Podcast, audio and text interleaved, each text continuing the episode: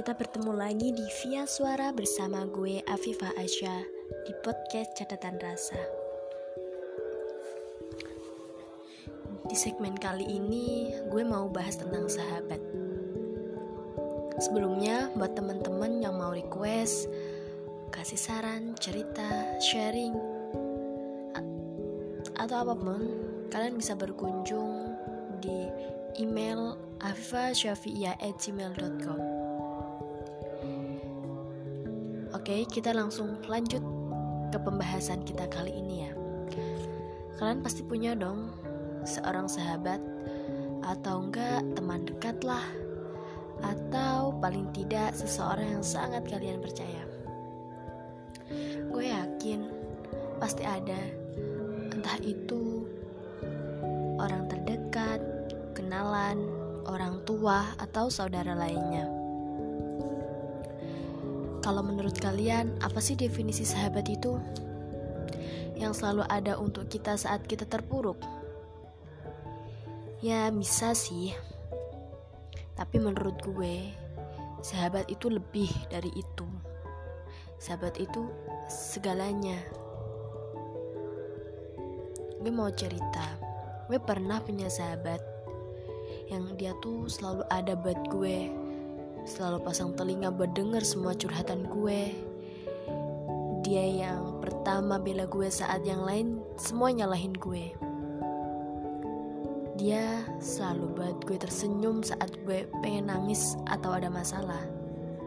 Bagi gue, dia itu udah kayak kakak, sahabat, bahkan saking dekatnya kita orang-orang bilangnya pacaran. Lucu banget kalau diinget-inget. Tapi yang paling gue sesali adalah ketika dia sedang terpuruk. Dan gue gak bisa jadi penghibur buat dia. Karena dia tuh gak pernah ngeluh sedikit pun. Setiap kali ada masalah, dia gak pernah cerita. Bahkan dia itu selalu tersenyum. Dia gak pernah nunjukin ke orang-orang muka suramnya. Muka sedihnya, muka susahnya,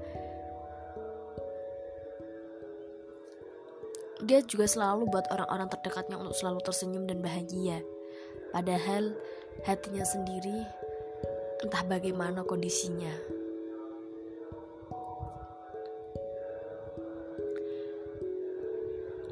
Menurut gue, dia tuh orang yang hebat. Gue bahkan merasa beruntung punya sahabat kayak dia.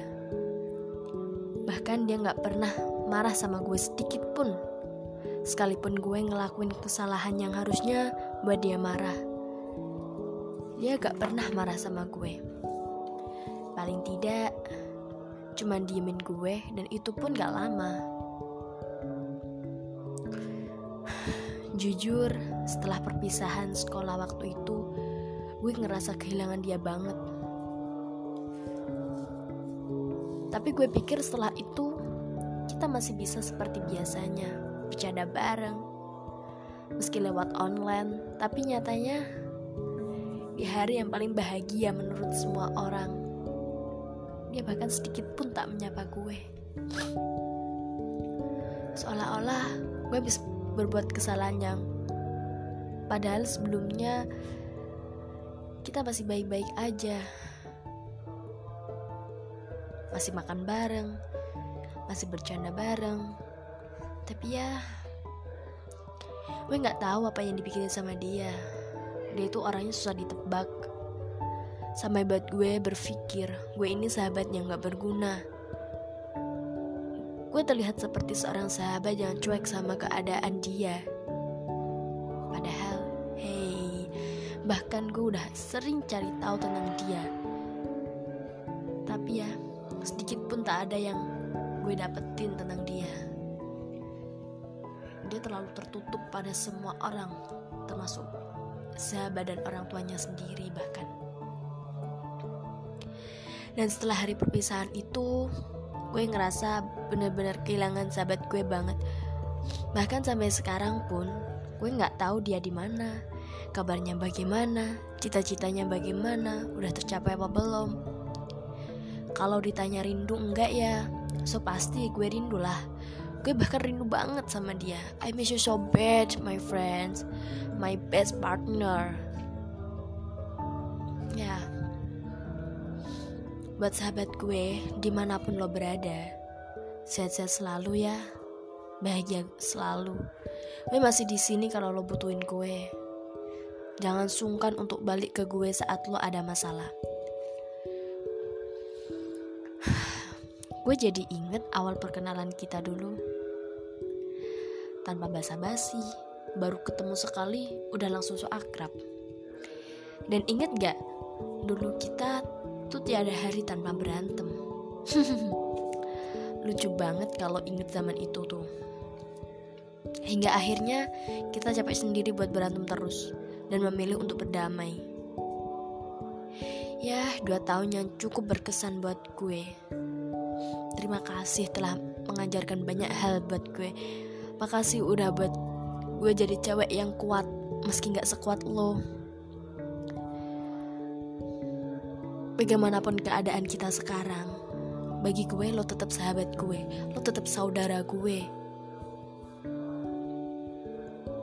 Dan buat kalian pesan gue jika kalian punya sahabat yang selalu ada buat kalian kalian juga harus selalu ada buat gue buat dia buat persahabatan kalian itu saling membutuhkan satu sama lain. Jangan kayak gue. Dia yang selalu siap pasang badan buat gue tapi gue gue gak bisa apa-apa buat dia. Ya mungkin dia bilang gue cukup jadi penghibur buat dia. Tapi gue gak ngerasa itu pun sedikit pun gue gak merasa jadi penghibur buat dia mungkin sampai sini aja ya gue curcol tentang sahabat gue itu Aduh, jadi melo gini deh. Gak apa-apa.